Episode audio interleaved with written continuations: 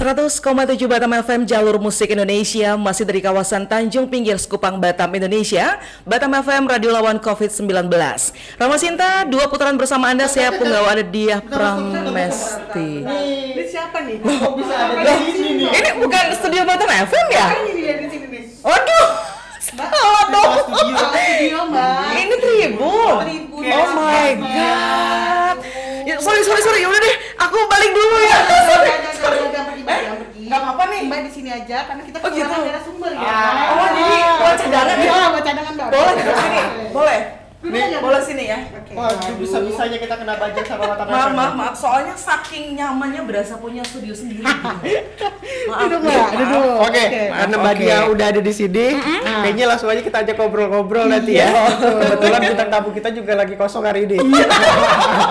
Sedih nasibnya ya. Jarang kan kita ngobrol sama MC Konda. Bener. MC kondangan. MC Konda. Iya. Agak kondang. Kondangan beda. Oh, Berhubung udah ada Mbak Dia di sini, Yes, ya. Mbak Dia. Karena- Lama nggak jumpa ya. kita langsung aja nih kita ajak ngobrol Mbak Dia. Mhm. Berhubung Mbak Dia juga adalah MC kondang, wih dia penyiar radio juga di Batam Iya. FM. kita suruh aja dia opening program tripod ini. Waduh, Oh, kita kena- tantang ya. Kena todong nih ceritanya Kena todong. nih. Kena todong. Ini bukan Halo Batam mbak. Luar biasa. Baik kalau Halo Batam milik saya, ini milik teman-teman deh ya. Oke. Tapi nggak apa-apa untuk sementara kita ambil dulu sebentar boleh ya. Boleh. Boleh, boleh. Coba Oke. ya. Baik, halo semuanya. Kita ketemu lagi di Tripod Tribun Podcast. Yeay. Hai Tribuners. Hai. Stay tune ya. Kali buat- ini buka ini buat deh. buat Rama Sinta jangan cemburu ya.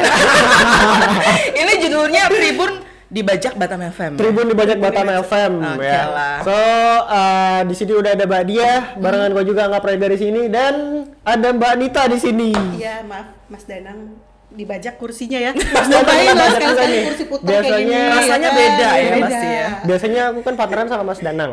Kali ini dibajak juga sama Mbak Nita nih. Oh gitu. Uh-uh. Mbak Nita ini Lagi adalah cuti melahirkan ya. lagi sudah melahirkan ya Mas Danang. Ya, jadi uh, by the way buat teman-teman yang nggak tahu Mbak Nita ini siapa, Mbak Nita ini adalah salah satu orang yang selalu ada di belakang layar Tribun Podcast. Yeay. Ini orangnya. Enggak. Tapi biasa ini nyiapin minum tuh di belakang layar. tetap ya, inem tetap jalan Inem. fungsinya ya. Mbak Dia apa kabar Ya, nih? Baik, ini nggak ditanya ya kok eh, tambah cantik atau tambah bulat itu nggak ditanya dulu ya. Sih tambah. Terus tema eh, make upnya nggak ditanya gitu ya, karena ini alis selama tiga bulan loh, Gini baru hari ini bikin sama alis MC, loh. dia yang nanya panjang ya. Ya. Bukan kita yang nanya. Bisa lebih minta mendominasi ditanya. ya. Ya aku Ini lama-lama kayaknya kita yang diwawancara Iya. ya. Mbak Dia. Hmm. Jadi gimana kabarnya Mbak Dia nih? Kabarnya alhamdulillah baik, Baik, timbangan eh, semakin bertambah. Semakin bertambah. Tapi sebelumnya pengen ucapin terima kasih dulu nih Iya. buat teman-teman Tribun yang luar biasa. Siap. Finally hari ini kita meet up bareng di tripod yang keren banget. Yo, kita kolaborasi, Kolaborasi ya. Iya sih. sama FM. Jadi sekarang kalau siaran masih ya masih. Masih alhamdulillah ini. belum di eh, DO jadi siaran masih. Karena bapak-bapak yang suka curhat sama dia itu masih sangat menunggu tiap pagi. Ya itu dia. Kalau eh, kita bawa mobil nih ya, kalau mau pergi kerja sering banget. Kuat ya bawa mobil ya? Enggak Kuat sih ya, maksudnya diangkat. nyetir mobil. Ya Allah. Tentang badannya gede diangkat angkat mobil ya. pengen pergi dari sini.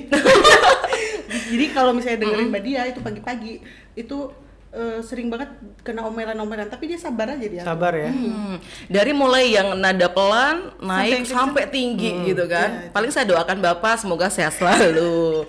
Itu Sabar harus ya tuh. Pak. Gitu. Gimana cara kita menanggapi orang Ah. yang Hmm, marah. padahal nyesek juga sebenarnya. Ini juga fun fact juga nih. Biasanya Mbak Dia kalau siaran itu nggak pernah make upan. Masa? pernah karena nggak nggak ada nggak ada visualnya kan suara aja. Ini spesial Baru mandi. special Pagi-pagi. edition, special edition buat tripod. Ah. Karena apa? Udah tiga bulan lupa bikin alis, hari ini finally bikin. Bikin Oke. alis. Pasang bomat. Berapa lama? Ini alis? udah ala Aliana Grande. Ini dia Grande. Dia tapi Grande. dia Grandelan maksudnya. Mbak Dia kan kan kalau sekarang nih ini udah berapa lama nggak keluar dari rumah? Em, Atau ini pertama kali keluar nih? Ya, jadi sebenarnya actually-nya tiga bulan nggak keluar rumah dan hari ini adalah rute terjauh keluar kandang. Keluar kandang Wah. ya. Ya. Selama pandemi. Sampai Paling Pandemi jauh hanya Tanjung Pinggir selama ini untuk tugas negara gitu. Oh, siaran ya? Ya, Siaran ya. dari ini rute benar-benar terjauh dan the first time-nya Oke. dari sebelum puasa.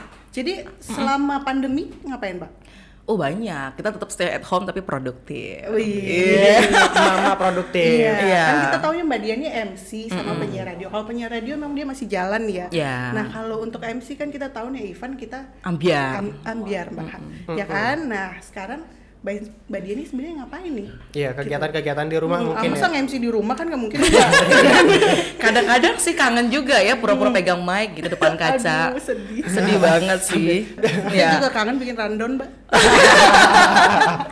Dan kangen juga kerja biasanya kita- bareng. ah, biasa kita kerja bareng ketemunya Iya, di betul. backstage ya kan. Iya, Di dan no Ivan. peres-peres memang so far kerja bareng tim Tribun itu luar biasa, sangat menyenangkan. Wih, Ini kan di depan tribun. No, enggak ya? memang luar biasa suka duka semuanya udah kita lewati bareng. Nih, by the way, kita udah ngobrol-ngobrol nih. Nggak ada minumnya nih kita. iya loh, ini kan jauh dari ya, Timban dua gitu ya, nggak ada nih. air gitu. Karena kita juga tadi udah di hostin di awal. udah di hostin udah udah beruntung di banget hostin ya di kita. awal ya. Lumayan karena MC Oke. kondang biasanya bayarannya mahal kan. Iya, Ah, benar. Ija, Ini Ija, dengan sukarela dia mau meng-MC-kan kita gratis nah, ini nih. Bim.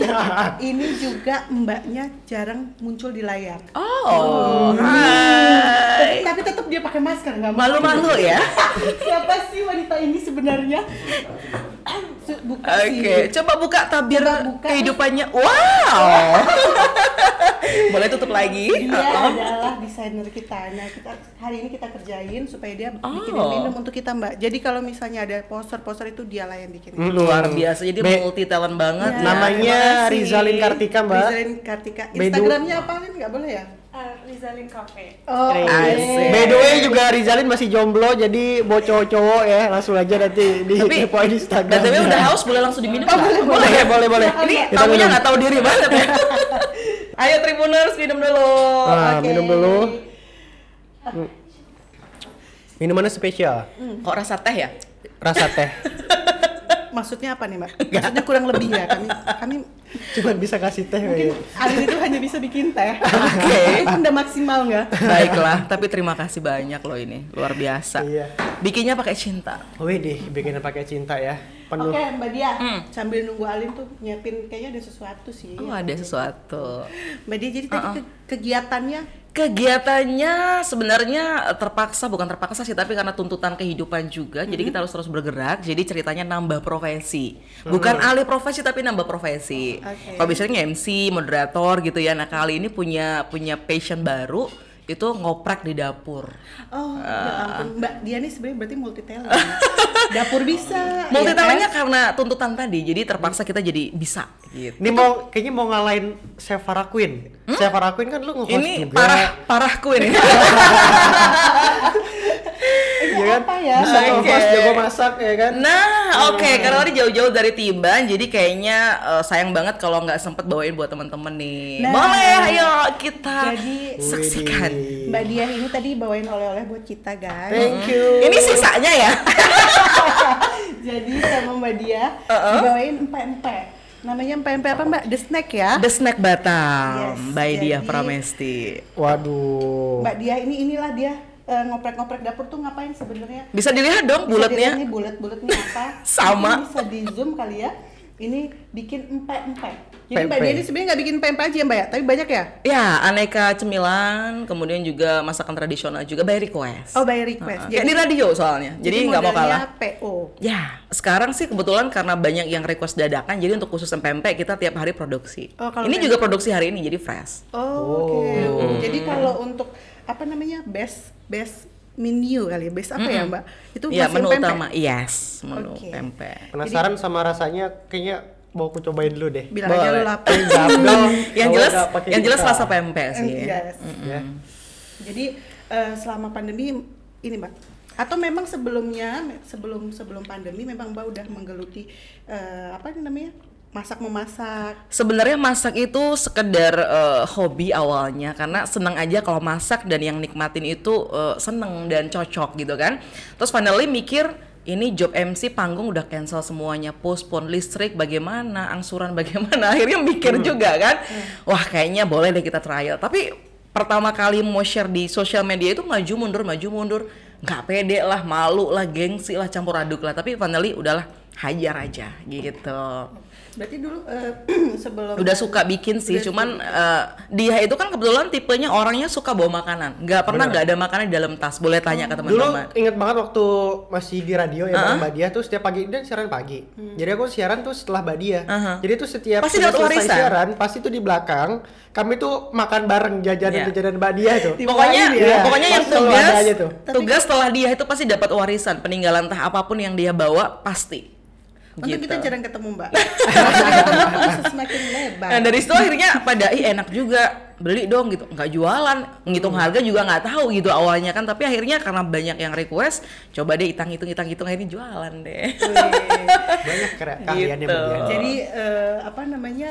Ternyata hobi memasaknya menjadi produktif juga maksudnya di saat-saat pandemi seperti ini ya mbak. Justru ini untuk cara kita untuk supaya dapur kita tetap ngebul. yes Mm-mm. Gitu ya. Bener. Mbak, aku mau hubungin satu MC nih. oh gitu Satu MC yang Siapa dia nih? katanya juga MC kondang tapi cowok mbak. oh, siapa dong Dengar suara kita nggak? halo Halo mas. Halo, apa kabar? Assalamualaikum warahmatullahi wabarakatuh. Waalaikumsalam warahmatullahi wabarakatuh. Mas Dedi, Minal Aidin. Ini yang paling penting karena masih bulan Sawal ya. Izin mau lahir dan batin, semuanya sehat. Itu di sebelahnya ada Ariana Grande kayaknya. bukan dia grandel grandelan Grandelan. Oh, princess ya. Iya, rambutnya ya. ini penampilan terakhir Ya, begini loh bentar lagi udah berubah hmm? Gimana kabarnya semua di sana? Baik, baik, baik banget, baik banget. Sehat. Mas Jadi- Didi gimana nih kabarnya di sana? Udah mulai Sejauh ini aman sih. aman ya? Aman ya, Kondisi Mas? aman ya? Udah mulai masih masih ada kerja bis hari Minggu besok masih ada acara WK akad nikah. Wih, Alhamdulillah. kencang terus ya. Alhamdulillah. Ternyata nggak cuma di Batam, di Medan pun juga ya. Semua di rumah ya. Ini udah udah sudah mulai kancah nasional ya. Iya, nggak rindu sama Batam. Gimana gimana? Udah kangen belum nih sama Batam? Partner yang luar biasa. Apa kabar Mbak Dia? Baik, kangen banget loh ya. Pokoknya selama Hepek masuk mah dihajar terus sama dia Iya, mah. bener. Yes. Gimana gimana? Mas, nggak rindu Iya. sama sama Batam? Udah berapa lama sih di Medan? Rindu banget. Udah berapa lama Mas? Nggak Di Medan itu dari, dari tanggal 19 April. Wow, Mei Jun. Hampir Jadi, dua bulan ya. Dua bulan ya. Hampir dua bulan. Dua bulan. 19 April. Karena ada acara di sini tanggal 20 sebelumnya kemarin itu. Jadi ya tanggal 19 harus balik, harus ke sini sampai di sini. Hmm. Jadi, balik du- 20 di sini sampai habisnya lebaran harusnya besok pulang. Cuman Hmm. belum bisa Belum bisa ya. karena acara juga pending lagi. Asik. Ini belum bisanya karena emang ada flightnya atau emang banyak job di sana nih? Dua-duanya kayaknya ya. Ada kerja, ada kerjaan Ada dikit. kerja. Oh ada Oh kerjaan. kerjaan. dikit. Jadi terjebak Mas di sana ceritanya.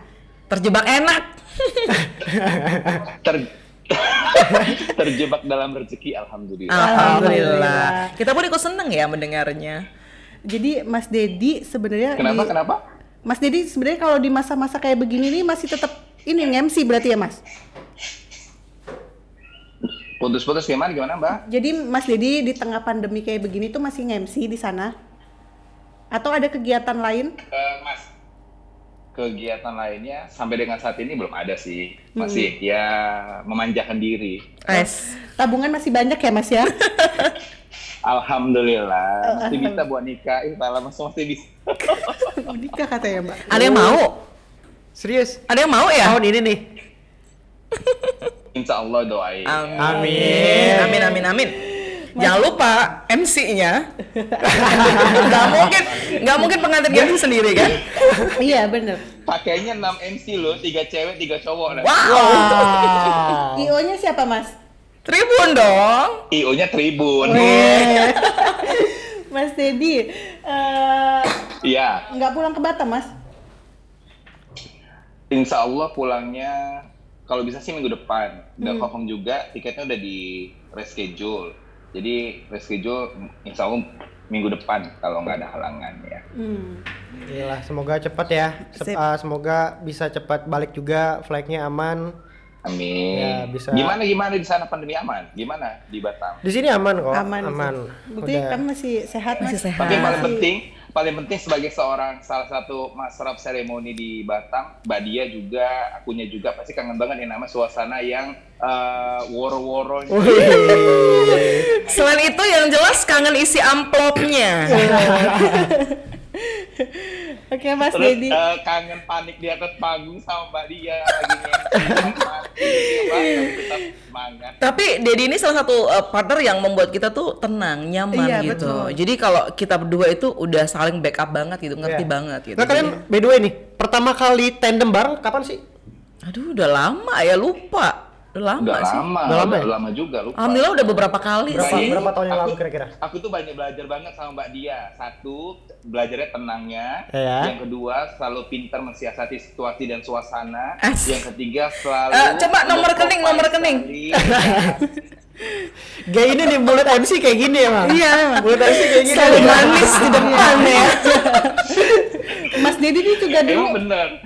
Kita tuh selalu jadi masukan kalau di atas panggung selalu keluar ah, gini. Jadi jelek buruknya kita berdua tuh kita tahu bagaimana cara menutupinya biar tetap selalu stay tune di atas panggung. Iya, nanti gini aja ya. Oh iya, nanti jangan gini dong. Iya gitu. Nah, kalau Dedi ini kelebihannya dia powernya luar biasa. Terus dia tuh ngemong. Iya dia apa ngomong namanya, banget. Orangnya semangat juga Iya, ya Benar gitu. Udah gitu suaranya bagus banget. Interaktif sama penontonnya mantap ya. Sama kulit mukanya ini. Iya. Sama kumisnya, Kumis. sama kumisnya yang nggak nggak ada lawan kayaknya. Sekarang sekarang tambah satu jenggotnya makin panjang. Peliharaan baru ya. Numbuh ya Mas. Permintaan klien. Ais, klien apa klien? Ini nih. Oke Mas Dedi, thank you Ya. Sudah mau kita hubungi. Yes. Terima, terima kasih banyak luar biasa. Salam semuanya. Semoga sehat-sehat terus di sana ya. Ya. Eh, ada ada pesan nggak sih buat tribuners yang nonton? Uh, pesannya adalah Tribun, semoga yang paling penting adalah tetap menjadi pribadi yang baik buat Tribun. Jangan lupa MC kita lagi ya. Tetap ya, nggak Ya. jauh dari MC. Oke, thank you Mas Iya. Didi Mas ya. Yang paling penting sukses terus buat Tribun, Siap. Mbak Dia. Siap. Terima kasih banyak, sehat buat salam buat semuanya Mbak Dia. Oke Siap. Mas Dedi, thank you salam untuk keluarga di sana. Sehat-sehat Jaga di sana ya. kesehatan. Tetap sehat. Di Nanti ketemu sampai ketemu nanti pas pulang di Batam ditunggu oleh-olehnya ya. berkabar ya. Ya. Dah. Dah. Ya. Assalamualaikum. Waalaikumsalam. Ya. Duh, seru ya. Ya itu tadi kita kan mau di sini ngebahas mungkin si Mbak Dia kan juga MC, Dedi juga MC kayak Ya. gitu. Jadi kita pengen tahu nih sebenarnya eh, apa sih kegiatan MC MC ini di tengah ya masa-masa Covid kayak begini nih. Ah. Gitu. Kalau dari dia yang amati sih sebenarnya teman-teman juga eh, karena memang biasanya MC juga atau penyiar atau yang biasa di entertain itu kan dituntut untuk bisa eh, aktif terus eh, juga harus smart terus bergerak dan dia lihat juga di banyak sosial media teman-teman MC itu juga pada kreatif gitu. Ada yang juga jualan, ada yang juga dia lebih rajin berolahraga. Terus dia punya banyak peliharaan seperti kucing dan lain-lain. Jadi ternyata punya hal-hal baru yang sebelumnya mereka nggak pernah lakukan. Punya kesibukan lain ya di situ. Hmm, yang setiap hari bersepeda pakai jas hujan juga ada. Iya, yang punya keluarga sibuk sama keluarganya, yang belum punya keluarga sibuk mencari keluarga kayak tadi tuh. itu dia ya. Jadi sebenarnya banyak banyak banyak positif uh, things yang bisa kita lakukan di saat pandemi ini sebenarnya Ya gitu. sebenarnya Maksudnya ada sisi baiknya juga, Ya. positifnya juga ya. Betul. Aku penasaran sama Mbak Dia nih sebenarnya dari dulu tuh udah nge-MC atau memang duluan eh Penyiar. Siaran, Penyiar, siaran dulu siaran. MC dulu? Em, sebenarnya itu dia uh, MC dulu. MC dulu. MC justru. dulu itu tahun 2003. Hmm. Awal banget itu pertama kali ingat dibayar 80.000 ribu rupiah saat itu. MC Mbak. Ya betul tahun 2003 awal. 2003. Ya, terus em, habis itu MC MC biasa lah gitu masih newcomer ya kan. Ya. Terus singkat cerita ikut pemilihan Putri Indonesia Provinsi Kepri. Oh, Saat timbangan belum rusak. Oh, Oke. Masih ya, Mbak? 46 kilo. Masih ha-ha. 46 kilo. Dan eh, singkat cerita kunjungan ke Radio Batam FM gitu dan eh, beberapa dengan finalis gitu kan 10 besar finalisnya diterima jadi narasumbernya terus dari program direkturnya nanya mau nggak jadi penyiar radio Oh, gitu. Sementara nggak pernah sama sekali dengerin radio, nggak mau dong, nggak berani, nggak pede, nggak suka denger radio gitu. Tapi Tuhan berkata lain bahwa setiap uh, event-event pigeon lover seperti itu ketemu lagi di event-event yang lain gitu, di event uh, kecantikan yang lain seperti uh, Miss Sumatera Expo juga dulu dia ikut dan seterusnya. Terus Putri Batamindo juga, Putri Kartini gitu. Jadi ketemu lagi terus pikir-pikir kenapa nggak dicoba ya gitu. Akhirnya trial datang dengan sendirinya oke eh, bu eh, pak kak saya mau coba gitu. Dua minggu training udah langsung dilepas. Jadi berarti emang dari awal karirnya emang emang seneng dari nol. ya? Dari dia the one and only penyiar yang bener-bener eh, virgin dari nol belajar. Tidak ada background siaran di eh, kota lain. Kalau yang lain rata-rata sudah siaran di kota Benar. lain. Karena juga emang- rata-rata ah kayak aku aja dulu waktu pas siaran tuh sebelumnya emang basicnya latihan siaran juga di komunitas-komunitas waktu itu kan. kayak kampus Kayak atau apa kampus, gitu ah, ya ah, jadi Itu kalau ada komunitas, ya? ada komunitas radio, belajar siaran di situ, udah punya basic, baru ke radio profesional. Oh. Gitu. Dan yang paling sedih waktu itu dibilang sama eh, station manajernya, suara kamu tuh nggak nguntungin, cewek enggak, cowok enggak. Uh, nyesek banget gitu. ya. Maksudnya gimana nih maksudnya? Dibilang cewek terlalu ngebas. dibilang dibilang femimin disuruh cheers up nggak bisa, disuruh kemayu nggak bisa. Tapi kan suara Mbak Dia sendiri tuh punya ciri khas sendiri loh. Mm, Jadi kalau di, di radio kita dengerin ini suara Mbak Dia nih gitu. Bener kan, Mbak? Gitu ya, agak Iya. agak beda ya. Agak beda, nggak kayak cewek pada umumnya mungkin agak menye-menye atau Benar-benar. Tapi nggak setuju nggak mbak dia? Hmm. Radio zaman sekarang tuh nggak kayak dulu. Kalau dulu mungkin kalau untuk menjadi seorang penyiar radio itu yang diutamakan pertama utamakan skill. Hmm. Ya. Hmm. Ya kan. Ke- kedua baru yang lain-lainnya. Kalau sekarang tuh menurut aku skill itu nomor kesekian. Yang Ya. penting itu karakter. Nah, makanya Karakter satu sama yang kedua follower. Iya, karakter sama followers. Dulu kan kalau jadi penyiar, ah nggak mau jadi penyiar gua ah, takut suara jelek dan sebagainya. Kalau sekarang justru suara jelek nggak apa-apa, yang penting berkarakter. Makanya banyak yang penyiar-penyiar suaranya yang Unik ya, unik, unik. kayak gitu kan. Tapi dia berkarakter, banyak yang suka kayak gitu. Oke. Mungkin nanti kita bikin webinar ya. Boleh. Tips untuk menjadi penyiar ya. Iya loh, kita Bersama- memang kekurangan loh bersama- generasi penerusnya Iya, susah. travesti nanti. untuk yang berarti untuk kader-kader berikutnya masih susah, Susah banget. penyiar ya, Mbak? Iya, mungkin kita perlu untuk kalangan millennials juga biar lebih suka broadcast gitu kan. Tapi kalau Mbak Dia sendiri lebih seneng MC atau penyiar? Hmm, kalau amplopnya lebih suka MC sih. Susah kalau ngomongin. Realistik kayak langsung tapi jawabannya tapi ya. kalau secara naluri passion itu lebih suka penyiar karena di penyiar itu kita punya tanggung jawab moral bagaimana kita memberikan informasi yang edukatif Benar. jadi kita punya punya sisi ibadah juga di situ bahwa kita ada di situ itu eh, manfaatnya itu banyak banget gitu maksudnya bukan spesifik MC nggak ada manfaat bukan juga tapi Iya. lebih kemaslahatan umat lah gitu Oke. jadi ada kepuasan tersendiri walaupun nggak tidur begadang pulang pagi tetap jam 7 itu sudah onsite sudah open mic ready Tapi gitu kalau disuruh milih nih, Ah. boleh pilih salah satu. Mana yang Mbak pilih? Kalau realistis, atau penyiar.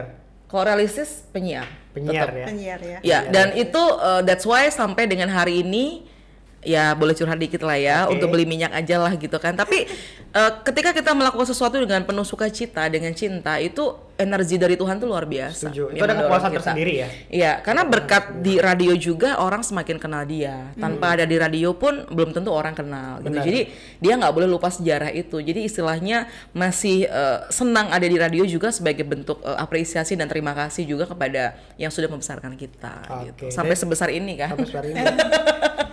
Apalagi ini. karena Hmm. karena gini kan kalau MC juga kan nggak harus nggak ada tiap hari kan Ini kan uh, tergantung event kan Hmm. Tapi memang terus terang MC sangat sangat uh, potensial ya untuk finansialnya gitu. Jadi makanya begitu ambiar gara-gara pandemi ini berasa banget. Iya. berasa, berasa banget, ya. banget. Kita di dunia event juga kemarin sempat mikir MC ini enak juga ya dia kalau eventnya setiap hari ada Mhm. coba itu aja lu sendiri Iya kan, karena, juga, karena aku juga dulu se- sempat merasakan amplop MC kan Oh, iya. karena emang cukup menyenangkan lah kamu terjebak di tribun ya terjebak di tribun. Mau dong dijebakin. Mbak Dia Uh-huh. Mbak Dia ada nggak sih hal-hal yang paling menyebalkan selama menjalankan eh, penyiar mungkin dimarahin sama ada yang nelpon atau apa gitu Hmm. paling menyebalkan gitu Kalau ya, paling sebel sih sebenarnya kalau menghadapi eh, pendengar yang galak atau marah-marah nggak jelas itu sih nggak ada masalah ya. Cuman yang lebih agak eh, gemes gitu ya itu kalau ada narasumber yang dia jawabnya itu tekstual banget. Oke. Jadi kaku banget. Jadi dibawa belok dikit nggak bisa. Dia udah bingung. Oh, jadi kalau untuk interaktif ya? Oh, oh, jadi kita pengen ngidupin suasana tapi eh, partner kita nggak bisa gitu. Jadi Hmm. bener-bener tekstual banget kata-katanya persis plek banget ini gue stres. Iya. Stres kalau udah kayak gitu. Aduh gimana on the nih? terlalu gitu. on the script ya. Hmm, jadi naluri kita tuh jadinya berontak Iya gitu. benar. Jadi dia kayak teori aja terus gitu ya. Jadi kalau kita mau ngebahas ini tetap aja ke situ kan, Mbak. Iya. Benar-benar juga. dia dia antara worry antara takut salah jawab atau memang karena memang keterbatasan uh, knowledge-nya atau mungkin memang dikirim bukan PIC-nya jadi kadang-kadang nggak siap Bener. nah di situ jadi tantangan PR juga buat penyiar di biasanya kan ada durasi kita kan satu jam siaran. Iya. Ketemu sama narasumber yang ngomongnya agak sedikit irit gitu kan. jadi PR banget gini sih, khawatirnya nanti uh, yang nggak tahu kesannya kita yang mendominasi padahal dia yang memang terbatas banget kalimatnya Iya. Berarti Mbak lu lebih pengen ketemu ini yang marah-marah. Oh enggak juga. Oh ya lebih suka yang marah sih karena eh, tenang kalau udah marah itu kita kasih Reaktif dengan ya. kalimat-kalimat kesejukan itu sudah bisa lumer. Lebih. Karena banyak banget em, pendengar yang ternyata dia marahnya kelewatan gitu kan. Benar-benar. Saya tegesin, saya matiin teleponnya. Mohon maaf Bapak untuk ke depannya eh, tolong untuk menjaga etika dan segala. Tetap nggak marah, besok tetap telepon lagi. Iya. Jadi artinya bahwa apa yang dia sampaikan itu dia nggak tersinggung karena Iya, betul. kita berusaha untuk eh, apa tetap santun tapi tegas gitu. Tetap jadi asesor yang menyenangkan pastinya ya. Hmm. Kalau kita dengar pagi-pagi ya Mbak dia Halo Batam itu tuh. Dia, entah bapak-bapak dari penjuru Batam ini Ya, gitu dia. dengan segala macam permasalahan. Nah dengan segala nadanya juga Mbak dia nih cuman kalem aja dia nggak jawabnya yang kita lagi nyetir gini kadang-kadang ya gini Gemes. kali Pak gemes Iya, gitu loh. Tapi dengan Mbak dia dengan ribuan amunisi kritiknya ya Iya. yang mau diberikan karena emang berat banget bawain program Halo Batam ya Mm-hmm. yang di mana notabene orang nelpon kritik semua kan Iya, Kritik. jadi curhat, bukan iya, hanya sekedar curhat. mental juga Ah, ah. sih, tapi juga perlu update knowledge juga Benar gitu. banget. Jadi Baik, nyambung. Hmm. aku punya kejutan sama Mbak dia. Apa itu? Ada beberapa ada foto nih. Ah, ah. Mana Mbak? Nah, Laga bintang. Ini foto adalah Mbak dia ya ampun ini Ini. ya Mbak? jadi pernah jadi pernah jadi rockstar jadi ceritanya jadi ceritanya eh, sekian tahun yang lalu dia itu pernah eh, jadi ketua Slang Fans Club Batam dan waktu itu hanya tiga yang ketuanya perempuan itu eh, Manado, si Ocha, dan Pasar dan Batam saat itu. Oke. Jadi ini dengan teman-teman anggota di Batam Slang Fans Club dan waktu itu ada festival band antar juara-juara festival Ha-ha. begitu. Tapi di sini ada tragedi loh. kenapa tuh Jadi waktu lagu kedua eh snare drumnya putus. Senang drumnya putus. ya Tuhan. Berarti nggak nggak menang ya? Enggak dong. Jadi akhirnya eh, auto auto kita eh, ngomong dong jadinya gitu kan. Oh my god. Tapi seru sih. Ini sebelum MC atau memang dulu eh, vokalis Mbak? Eh, dulu memang eh, kita punya studio sendiri dulu eh, Batam Slang Fans Club. Jadi Udah gue bilang dia multi talent. kita itu patungan, saweran gitu ada enam orang, terus kita sewa ruko, kita bikin studio di atas, kemudian di bawahnya buat warung kopi. Nah yang jaga karena anggotanya itu ada yang kerja muka kuning segala macam, kita sip-sipan gitu. Jadi dapat income buat kebersamaan. Terus yang nganggur-nganggur gitu kita ajarin bikin kerajinan kayak eh, gelang dan lain-lain untuk anak-anak slankers gitu. Oke, Waktu itu di berarti- Batu Aji sih waktu itu di sorry itu tahun Mandalay. tahun berapa nih Ini 2007. 2007 ya jadi sempat menjadi slankers tahun ya. Ya. jadi slankers Batam harus Sampai- tahu mbak dia nih Ya, pasti tahu. Kebetulan dia itu ketua nomor kedua. Jadi pertama kali berdiri itu ada namanya Ramses, terus eh, dia ketua yang kedua. Jangan-jangan Mbak dia kalau yang Gitu. konser-konser yang bawa bendera itu ya? Ya, betul dan naik di pundak. Oke. Itu nggak ada fotonya nggak tapi ada pernah, tapi sempat pernah ketemu sama slang langsung Pernah. Jadi waktu pelantikan eh, peresmian SFC-nya pas dia eh, ketua itu Mhm. di di eh, Anonim waktu itu. Jadi kita benar-benar head to head dengan slang begini. Terus kita pakai bajunya wear pack. Jadi karakter khas bahwa Batam itu pekerja keras kita Yes. gitu. Jadi kita pakai wear Industri pack ya? warna orange yes.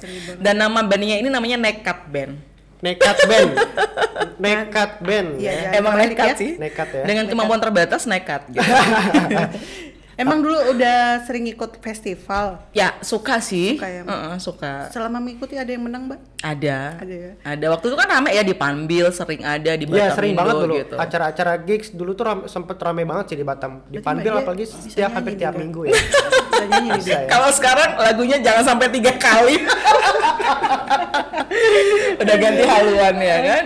Aduh, seru. Thank you loh Tribun, luar biasa Jadi loh. ternyata terungkap ya ternyata Mbak Dia ini selain MC, penyiar, ternyata dia adalah salah satu slankers di kota Batam. Yes. Wih. Udah pensiun tapi. Udah tapi pensiun gini eh, prinsip slang itu sebenarnya kalau yang nggak suka kan ngelihat dari packagingnya. Tapi bagi kami slankers itu slang itu ada tiga. Slang is me. Jadi apa yang eh, nilai-nilai positif slang itu ya diri kita gitu.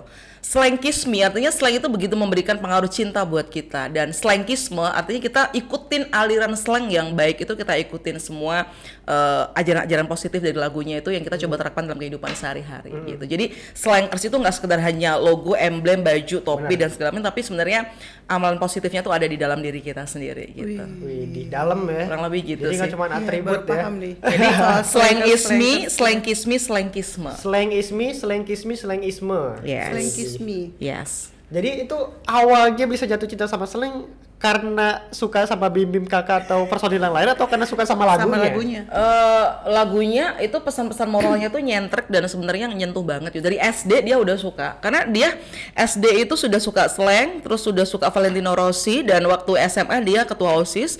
Itu dulu pemilihan yang lain itu eh, idola Nabi Muhammad, idola ayah ibu gitu. Dia fotonya Valentino Rossi. Oke. Gokil ya. Gokil ya Mbak ya. Pantes aja jadi kayak gini kan. Dari masih kecil aja. Dian ini juga dia ikutan salah satu apa mobil mobil, Eh, mobil komunitas, ya, klub, Komunitas klub mobil ya. mobil ya. Dulu waktu SMA sih motor, balap motor. Karena waktu waktu itu masih kurus. Kalau sekarang Gimana, motornya nggak mau maju. Gimana gimana maksudnya jadi jokinya gitu. Ya, dulu kan ada drag race, ada road race Oh, gitu. serius drag race? Ya, dulu pakai uh, Satria FU waktu masih ada 120 dulu baru Wadaw. keluar. Anak drag tapi tapi udah kayak sepeda motornya. udah protolan semua. Ini cewek cowok ya, aku nggak Ah, lah jadi-jadian kayaknya. Tahun berapa tuh? Itu uh, SMA sih. SMA. Tahun SMA itu- berarti 99 ke bawah. Tapi ini kan legal kan? Oh iya dong, Acaranya kan, legal, legal. legal. Itu biasa kalau di Solo itu di Manahan. Iya di mana? Di? Manahan. Kalau yang ini komunitas mobil atau motor? Kalau sekarang mobil. Jadi kita eh, dia ada di Pro Team Motorsport. Jadi roda 4 gitu. Karena kayaknya gini loh, hidup ini seperti lintasan sebenarnya. Oke. Ya, Tribuners. Kita belajar filosofi nih. Jadi seperti lintasan kenapa? Karena ada saatnya kita harus eh, ngegas, ada saatnya kita harus mengurangi ego, ada saatnya juga kita harus eh, mengambil keputusan cepat supaya kita nggak break out, supaya kita nggak jump start gitu. Jadi kita nggak salah timing untuk mengambil keputusan, walaupun beresiko. Tapi ketika semua kita lakukan dengan keyakinan kita, apa pun yang terjadi kita nggak akan menyesal. Misalnya saya begitu lampu kuning, kuning, hijau. Nah Iya. di kuning menjelang hijau saya curi start di situ ketika saya hitungan pasti pek ya nggak akan jump start. Tapi kalau kita ragu kita jadi jump start malah disqualification gitu. Jadi hidup itu seperti lintasan. Ada saatnya harus ngerem, harus ngegas, harus sekarang pencet gas, harus ganti gigi dan segala macam. Kurang kalau lebihnya sekarang seperti itu. kalau menurut Mbak Dia berdasarkan tadi Mbak quote gitu ya. Mhm. Di saat pandemi ini berarti sekarang kita harus apa nih? Ngegas kah, ngerem kah? Em, gas rem tetap harus dipadu padankan, nggak bisa dilepaskan, tetap harus kombinasi. Tapi yang jelas pastikan kita terus bergerak. Yes, itu, Jangan hanya diam. itu Pastikan poinnya kita-. Jadi lebihnya gini, lebih simpelnya adalah eh, stop drama, berikan karya. Siap. Siap. Siap. Artinya drama itu jangan jangan kita keluhkan ini kenapa begini, kenapa begono, kenapa begini, tapi coba eh, apa yang bisa kita lakukan?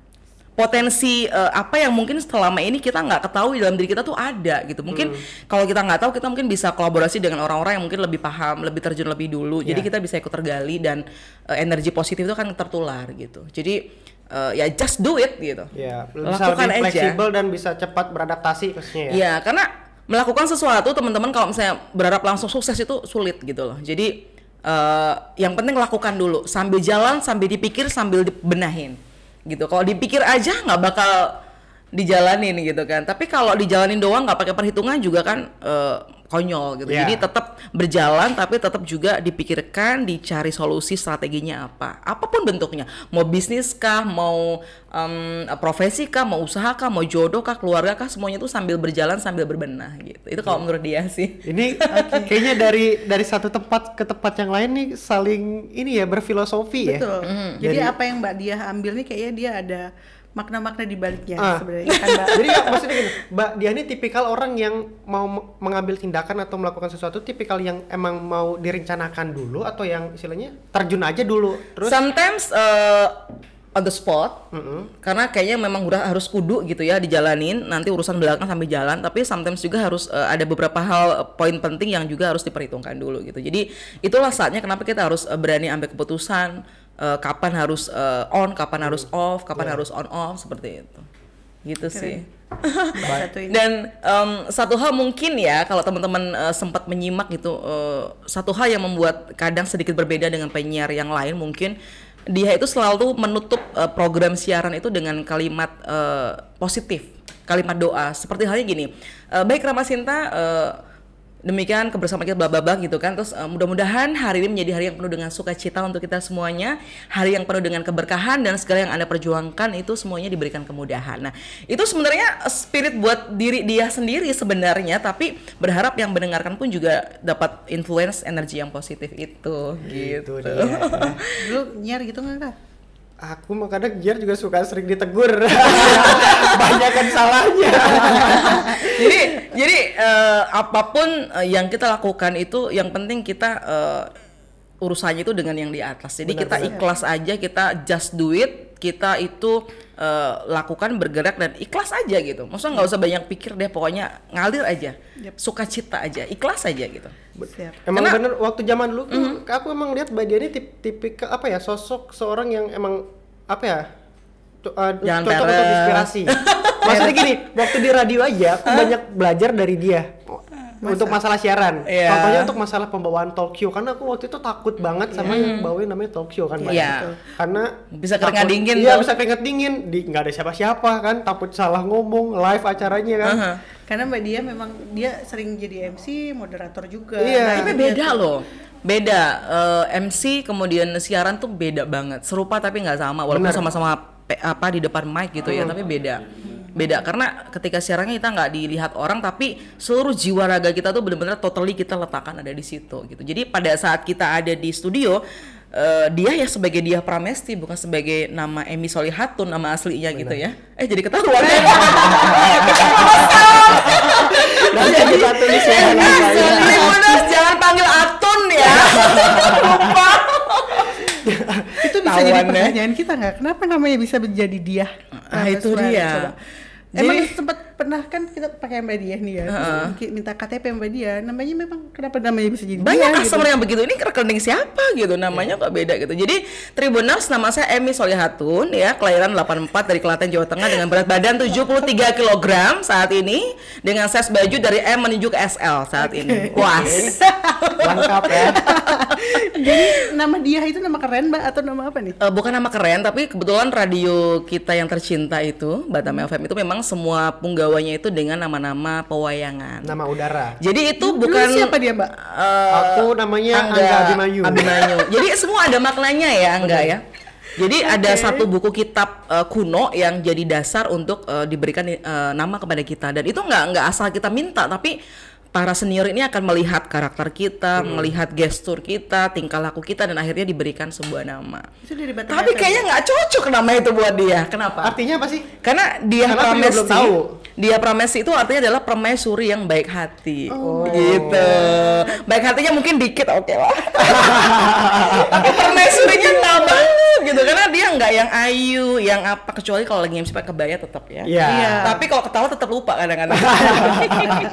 Kalau Anda sendiri anggap Kalau Abimanyu. Abimanyu. Abimanyu itu seingat aku ya, seingat aku tuh Abimanyu itu adalah salah satu tokoh pewayangan paling muda. Oh, Ya, itu dan tuh memang dia pangeran paling pan- muda saat pangeran itu. paling muda, pada saat itu dia paling muda ya Mbak? paling muda terus juga ya berkarismatik lah istilahnya. Anak dari Arjuna, anak dari Arjuna. Jadi Terbukti Tribun Abimanyu. eh, tertarik karismanya enggak ya. Mbak dia. gitu. Luar biasa ya. Jadi buat teman-teman yang nggak tahu kenapa namanya dia Pramesti itu sebenarnya na- nama panggung nama udara juga ya. Iya, dan akhirnya radio. keterusan, Keterusan. dipakai di panggung juga. Kalau misalnya nanti nggak di Batam FM, nama itu masih boleh dipakai Mbak? Eh, masih, karena nama itu tidak akan mungkin dipakai oleh pegawai yang lain. Oh, Jadi gitu. satu nama satu. Kayak mungkin zaman dahulu ada Abimanyu, tapi nggak akan ada Angga Abimanyu. Hmm. Hanya Abimanyunya saja ada, Iya. gitu. Misalnya nanti ada Abimanyu Abimanyu lainnya gitu ada yang masuk. Bisa ya? Bisa. Bisa. Eh, gitulah kira-kira seru ya. Jadi Mbak Dia, kalau Mbak Dia sendiri beranggapan yang pandemi ini akan berakhir kapan? Kalau dan kalau misalnya ini berakhir ini tahun depan nih dengar-dengar kan tahun depan nih. Mhm. Mbak Dia udah udah mempunyai prepare nih maksudnya Iya. plan apa untuk Iya. melakukan apa.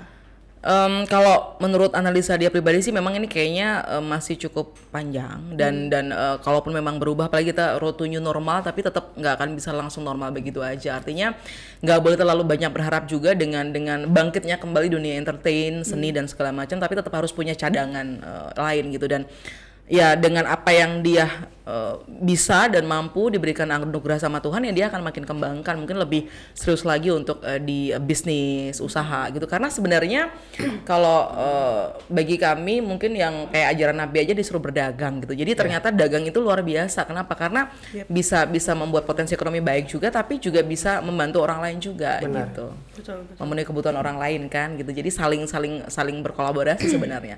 Dan bicara soal jualan sebenarnya sih kalau menurut dia ya Angga Mbak Nita jadi jualan itu kan eh, bukan sekedar jualan makanannya aja gitu. Orang jualan mahal enak banyak. Orang jualan murah enak banyak banget gitu kan. Nah jadi sebenarnya apa nilai yang harus lebih kita berikan di situ misalnya dari pelayanan dari bagaimana kita ramah Ya, tamah menyambut pembeli, bagaimana kita memberikan kemudahan cara pembayaran. Contohnya kalau di dia misalnya ya, pembayaran itu adalah bisa transfer tunai setelah pesanan diterima. Wih. Gitu. Dan sementara yang lain kan enggak ya transfer dulu gitu ya. Nah, kita coba tanamkan kepercayaan di situ. Bahkan sampai customer itu bilang, "Serius? Nggak pernah lo nemu yang begini?" gitu. Nah, itu itu Resikonya kan sangat ini kan. Iya, karena dia itu bisnisnya dengan Tuhan gitu loh. Jadi Tuhan yang akan atur semua rezeki dia yang akan kapan diberikan musibah, kapan diberikan berkat gitu kan. Jadi dia yakin aja sama Tuhan bahwa ketika itu memang rezekinya buat dia, maka itu nggak akan ke mana. Jadi dia try untuk memberikan kepercayaan kepada customer gitu. Itu Yes. dia. Jadi Plus kalaupun memang, tapi so far sih nggak ada masalah ya, Masalah ya. alhamdulillah. Yang penting gitu. kita kan niat baik juga kan. Ya kalau ada yang telat sampai 2-3 hari sampai seminggu, aduh lupa saya nggak apa-apa, santai aja. Masih dijawab juga kapan sempat aja. Tapi itu bener-bener eh, memang tulus, bukan karena eh, peres ya, tapi memang ya udah nggak apa-apa kapan sempat aja. Jadi kenyamanan itu yang membuat akhirnya orang jatuh cinta sama kita. Oke. Hati-hati sama yang di sini. Kalau mereka yang pesan jangan percaya, Mbak. Takutnya ntar ngutangnya lama. Enggak, tinggal cari Pak Dana. Pak, bil Pak, tolong diselesaikan bilnya. Ini pempes sekian sekian sekian ya kan? Oh, tenang aja. Iya. Selesai. Oke, berarti banyak banget nih uh, ilmu yang bisa kita ambil dari pelajaran uh, hidup yang Mbak Dia jalani. ya. sharing lah, Sharing lah sharing sih. ya. Karena setiap orang kan punya kisah yang unik dan Benar, benar, benar. Semoga juga kita bisa ambil pelajarannya dan juga sisi positifnya ya. Banyak banget Dari yang tadi ya banyak banget. sisi positif yang dari Mbak Dia sharing. Mm-mm. Thank Yang you. Mudah-mudahan ada soal manfaat. Apa? Aku tadi ingatnya soal ketulusan dan keikhlasan itu benar itu. Yang penting kita intinya buat teman-teman di luar sana jangan pernah menyerah, survive terus, lakukan Iya. apa aja yang bisa kalian lakukan. Dan eh, satu hal mungkin yang dia pengen tambahkan, jadi eh, kalau kita yakin sama Tuhan, dia mengalami sendiri bahwa kadang-kadang ada keinginan kita yang belum sempat terucapkan ke siapa pun, baru dalam hati kita dan itu Tuhan wujudkan. Dan itu real merinding gue, serius tuh merinding. jadi kadang-kadang kalau kita punya sesuatu harapan, keinginan itu ya berserah aja gitu. Jadi eh, pasrahkan semuanya dengan ikhtiar tentunya ya. Itu nanti akan akan akan akan ada hasil yang kita kadang nggak terduga dan itu udah beberapa kali dia alami gitu. Contoh hal sepele, bener-bener lagi pengen banget duren gitu kan, bener banget lagi pengen, nggak ngomong sama Duren ya? siapa-siapa, tiba-tiba di rumah ada duren, ada yang nganterin duren, Oke. kayak tadi, Oke gitu terdiam. kayak gitu. tadi suami lagi pengen banget sama lupis, nggak sempet bikin, emang belum pernah coba. Eh, ada temen nganterin lupis, serius. Itu itu contoh yang yang remeh temeh ya, tapi banyak hal yang yang lebih ke cita-cita. Tapi eh, kita belum belum belum mengucapkan, tapi kita hanya doa doa selalu ada dalam doa. Kalau kita berprasangka baik sama Tuhan, Tuhan itu akan menyambutnya dengan baik gitu, dan Iya. akan diberikan gitu. Mungkin orang uh, orang lain menganggapnya itu suatu kebetulan, tapi kita percaya bahwa itu bukan suatu kebetulan ya. Iya. Satu. Yang kedua, ketika kita berbagi, apa pun ceritanya, berbagi artinya bukan berbagi hati, berbagi cinta bukan, ya. tapi berbagi itu tidak harus uang, tidak harus rezeki, berbagi tenaga kita membantu orang, em, berbagi kita ngasih eh, pendapat ketika orang minta bantuan pendapat kita, itu ketika semuanya kita lakukan, itu jadi satu kebaikan buat kita dan itu nggak pernah rugi.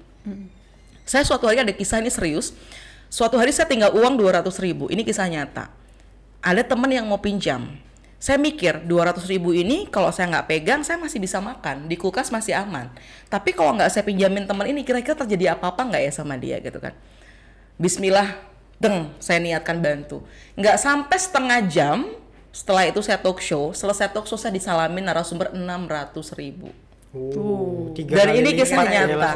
ya. dan itu narasumber yang terkenal sangat pelit kata para senior dan nggak pernah ngasih apa pun ke penyiar yang lain dan itu wow amazed banget gitu. Dan dari situ hal-hal kecil jadi dia selalu biasakan gitu. Makanya kenapa hal kecil dia selalu bawa makanan. Itu contoh kecil. Tapi itu sebenarnya lebih niat untuk hal yang sepele untuk berbagi kebahagiaan dalam bentuk kecil. Karena mampunya hal yang kecil sederhana kayak gitu. Itu namanya hukum alam. Mbak. gitu Apa sih. Yang jadi kita berikan itu yang kita tuai ya mbak. Eh, yakin aja. Walaupun nggak langsung mungkin entah dari mana-mana. Mungkin saya bantu misalnya Mbak Nita. Tapi yang akan ngasih eh, berkah atau rezeki ke saya mungkin Pak Danang atau mungkin abang-abang yang lain kita nggak pernah tahu gitu. Jadi yakin aja Jadi tetap optimis ya mbak. Untuk Yes. teman-teman yang mungkin ada di rumah yang saat ini mungkin mereka mereka merasa terpuruk nih karena kondisi ini mereka dirumahkan, mereka Yeah. pengangguran, mereka nggak tahu mau melakukan apa.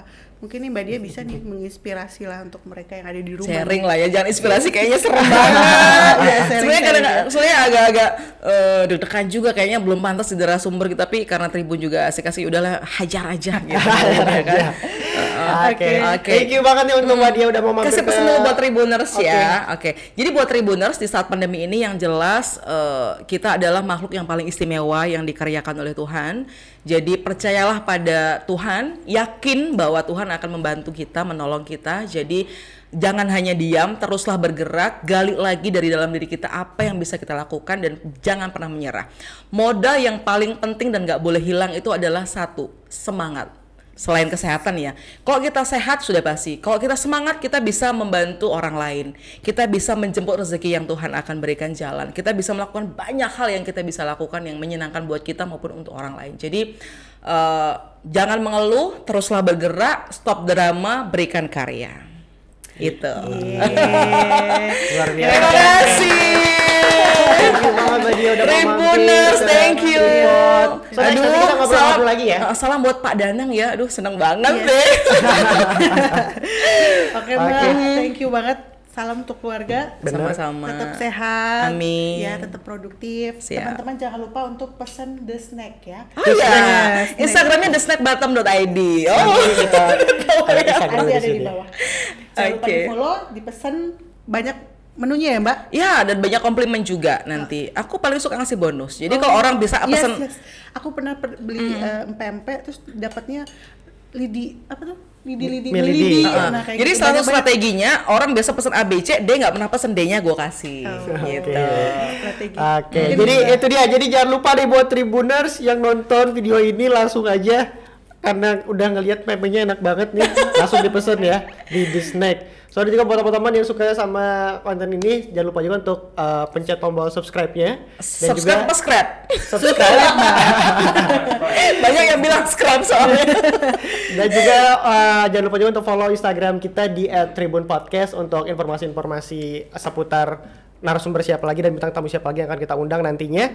Dan tentunya sampai jumpa di episode-episode selanjutnya. Bye. Bye.